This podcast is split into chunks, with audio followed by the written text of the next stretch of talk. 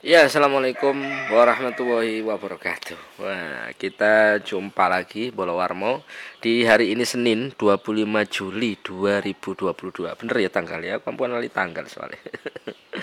Bener, 25 Juli 2022 Selamat pagi semuanya, ini adalah program Ngopi Bareng Edisi 25 Juli 2022 Ngopi bareng sih? Kan bareng Ngopi pagi, maksudnya ngobrol pagi-pagi eh, ya ngobrol pagi. Jadi kita eh, pengen membahas beberapa koran online yang hari ini kita munculkan di hari Senin ini beberapa informasi menarik mulai dari minggu pagi hingga minggu malam kemarin akan kita sajikan kepada Anda agak siang sih sekitar pukul 8.46 saat ini. Baik, ada beberapa informasi menarik yang ingin saya bacakan kepada Anda. Di antaranya yang pertama adalah datang dari Partai Gerindra Kabupaten Pasuruan. Ini kayaknya kemarin hari Sabtu mereka melakukan pengesahan, pelantikan ya buat kepengurusan yang baru. Wah, ketuanya baru. Mas Rusdi Sutejo. Wah, ini kita ucapkan selamat buat Mas Rusdi yang sekarang sudah menjadi Ketua DPC Partai Gerindra Kabupaten Pasuruan. Ini merupakan salah satu apa ya? Dinamika perpolitikan baru. Ada kader-kader muda yang mulai muncul kemudian menjadi nahkoda partai. Wah, mudah-mudahan sih jadi harapan masyarakat dalam politik dan pemerintahan di wilayah Kabupaten Pasuruan. Jadi semakin uh, dinamis, makin rame. Mas Ruzu Tejo adalah merupakan wakil ketua DPRD saat ini di eh, parlemen di Kabupaten Pasuruan. Jadi mungkin ini juga menjadi nuansa baru. Yang menarik, lebih menarik lagi ini dari sekedar hanya sebuah pelantikan adalah optimisme dari partai ini yang akan mengusung calonnya. Nah, siapa lagi? siapa lagi? Saya akan membacakan informasinya yaitu terkait dengan pelantikan. Ini ada informasi yang Nah, ini Gerindra optimis akan usung calon Bupati Pasuruan dari kader sendiri. Wah, menjelang 2024 terus angkat-angkat. 2024 ini mulai rame soal calon mencalonkan diri. Waduh, foto ini Wah, ini fotonya sudah keren ini. Membawa bendera partai Mas Rusdi Sutejo. Nah, Ketua DPC Partai Gerindra yang baru. Ini dilakukan pelantikannya pengurus ini di lapangan Pacuan Kuda Ki Ageng Astrojoyo, Wah, Coban Joyo, Kecamatan Kejayan Kabupaten Pasuruan pada Sabtu 23 Juli yang lalu. Ini eh, Mas Rusdi ini memang didapuk sebagai ketua. Dia sebenarnya putra dari Pak Stris siapa Pak Stris ya yang sebelumnya memang menjabat sebagai ketua DPC. Nanti ini memang benar-benar pengkaderan ini. Dan beliau juga wakil ketua DPRD. Jadi ya layak dan mumpuni lah insya Allah.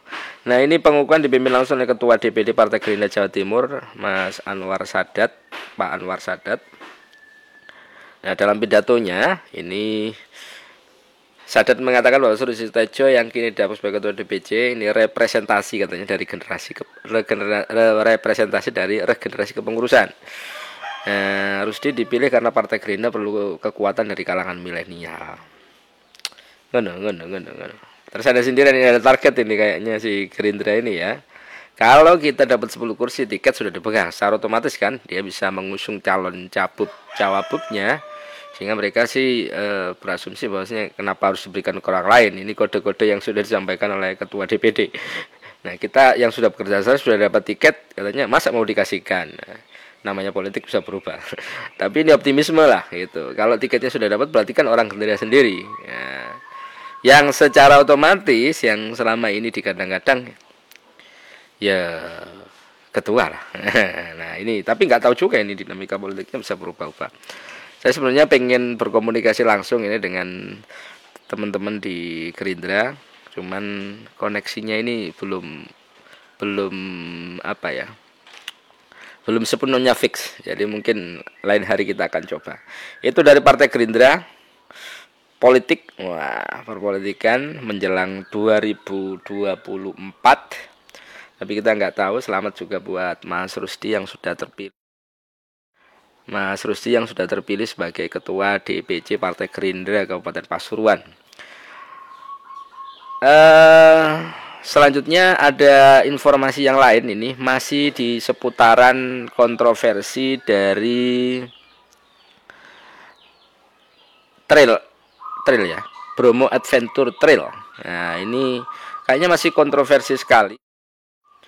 Ini ada informasinya masih kontroversi bahwasanya e, beberapa relawan ini membuat petisi Save Caldera Bromo katanya. Ini komunikasinya harus dibangun benar-benar ya dan panitia juga harus meyakinkan semua orang yang ada di e, kawasan Bromo yang terlibat pemangku kepentingan masyarakat dan sebagainya ini memang benar-benar harus dikomunikasikan lagi. Kalau memang ini tujuannya baik ya. Kalau memang tujuannya tidak baik lebih baik mundur saja. Karena ini juga kaitannya dengan konservasi alam. Saya pikir TNBTS juga akan bersikap uh, bijak ya. Memang ada beberapa informasi bahwasanya PMK Probolinggo yang dukung-dukung asa, asalkan gitu ada catatan-catatan yang memang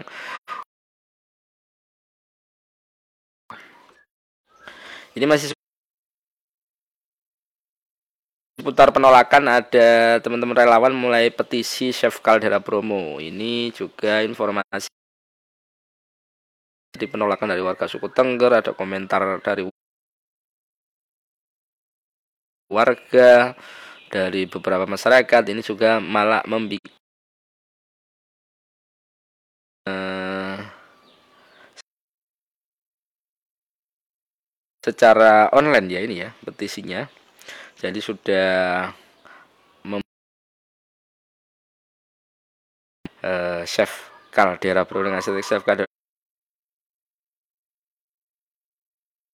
Bromo ini menolak keberadaan event Bromo Adventure Trail. Kita nggak tahu ujungnya ke mana. Ini kan tergantung TNPTS juga bagaimana kemudian menyikapi fenomena ini. Mau itu beberapa informasi dari uh, politik dan juga rencana event yang ada di Bromo atau Bromo Kano Series Independent Day. kita ada lagi informasi yang juga ini ada kaitannya hmm, kaitannya dengan seragam gratis pelajar di Kota Pasuruan akan dibagikan September. Wah. Pembagian seragam gratis. Nah, ini sempat disampaikan oleh anggota DPRD Kota Pasuruan fraksi menanyakan soal kejelasan kapan ini diadakan. Ternyata memang kan sudah mulai masuk ini. Eh, sudah mulai masuk sekolah di sekarang maksudnya Juli Juli ini ya. Hmm, tapi seragam seragam yang mau rencana diberikan oleh Pemkot hanya belum jadi atau belum selesai, jadi belum dibagikan. Nah, ini juga dipertanyakan uh, oleh teman-teman anggota DPRD Kota Pasuruan, sampaikan oleh uh, Raden Imam Joko Sih Nugroho. Ini terkait dengan pengadaan kain seragam gratis yang memang menjadi bagian dari program pemerintah kota untuk dibagikan kepada para pelajar di Kota Pasuruan. Uh, ini ada keterlambatan ya. Dulu memang di tahun 2021 setiap hampir setiap tahun ada pengadaan, tapi untuk tahun yang ini kayaknya ada pengurangan kuota atau anggaran. Jadi hanya ada beberapa pelajar yang uh, tidak sama dengan tahun yang lalu yang mendapatkan seragam gratis. Nah, ini ternyata belum turun dan kayaknya ini akan diberikan pada September mendatang. Nah terkait hal ini eh, ada penjelasan juga dari Wakil Wali Kota Pasuruan di Wibowo bahwasanya pemenang lelang ini masih mengurus jaminan pelaksanaan untuk dilakukan penandatanganan kontrak. Jadi belum selesai. nah ini eh, informasinya yang sempat kita eh, tulis kemarin bahwasanya masih apa ya ini masih ya ini yang harus digarisbawahi ini. Ah ini.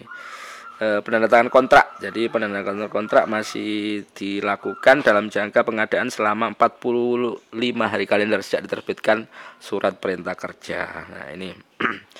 Ini beberapa informasi Kemudian kita melangkah lagi yang tadi malam. Wah, tadi malam ini ada informasi yang cukup mengejutkan juga karena memang eh, sejauh ini sudah mulai jarang sekali ada kejadian pabrik terbakar ya dalam bulan ini maksud saya dalam bulan ini. Tapi kemarin kayaknya kan sudah mulai cuaca sudah mulai panas sehingga eh, ini ada informasi terkait terbakarnya sebuah pabrik triplek di wilayah Beji. Nah, ini kita ada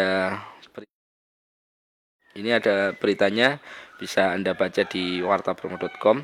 Pabrik triplek di Beji dilalap si jago merah. Ya. Warga dusun Gondang Legi, Desa Cangkriman, Kecamatan Beji, Kabupaten Pasuruan dikejutkan dengan kobaran api yang membumbung ke angkasa pada Minggu petang sekitar jelang maghrib ya.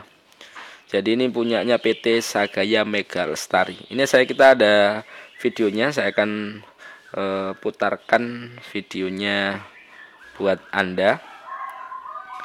E, kejadian yang terjadi di PT Sagaya Mega Mega Lestari ya, ya atau pabrik triplek. Kebakaran di Jalan Raya Cangkring Malang. Nah ini eh, gambaran dari kebakaran yang terjadi di pabrik triplek di Cangkring Malang Beji pada minggu malam, minggu petang ya, minggu petang.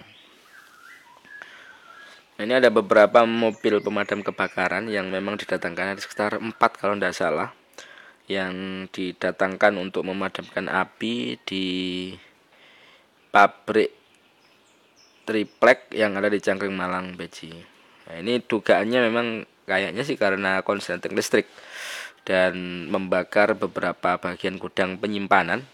Sepertinya ini gudang afkiran begitu dari informasi yang kita dapatkan sama eh, ada beberapa kayu-kayu gelondongan. Ya, namanya juga triplek sama kayu jadi cepat dan sangat mudah untuk terbakar. Ya, Bola Warmo, demikian tadi informasi yang bisa kita bagikan kepada Anda di Ngopi Pagi Koran Online edisi 25 Juli 2022. Terima kasih atas Wah ini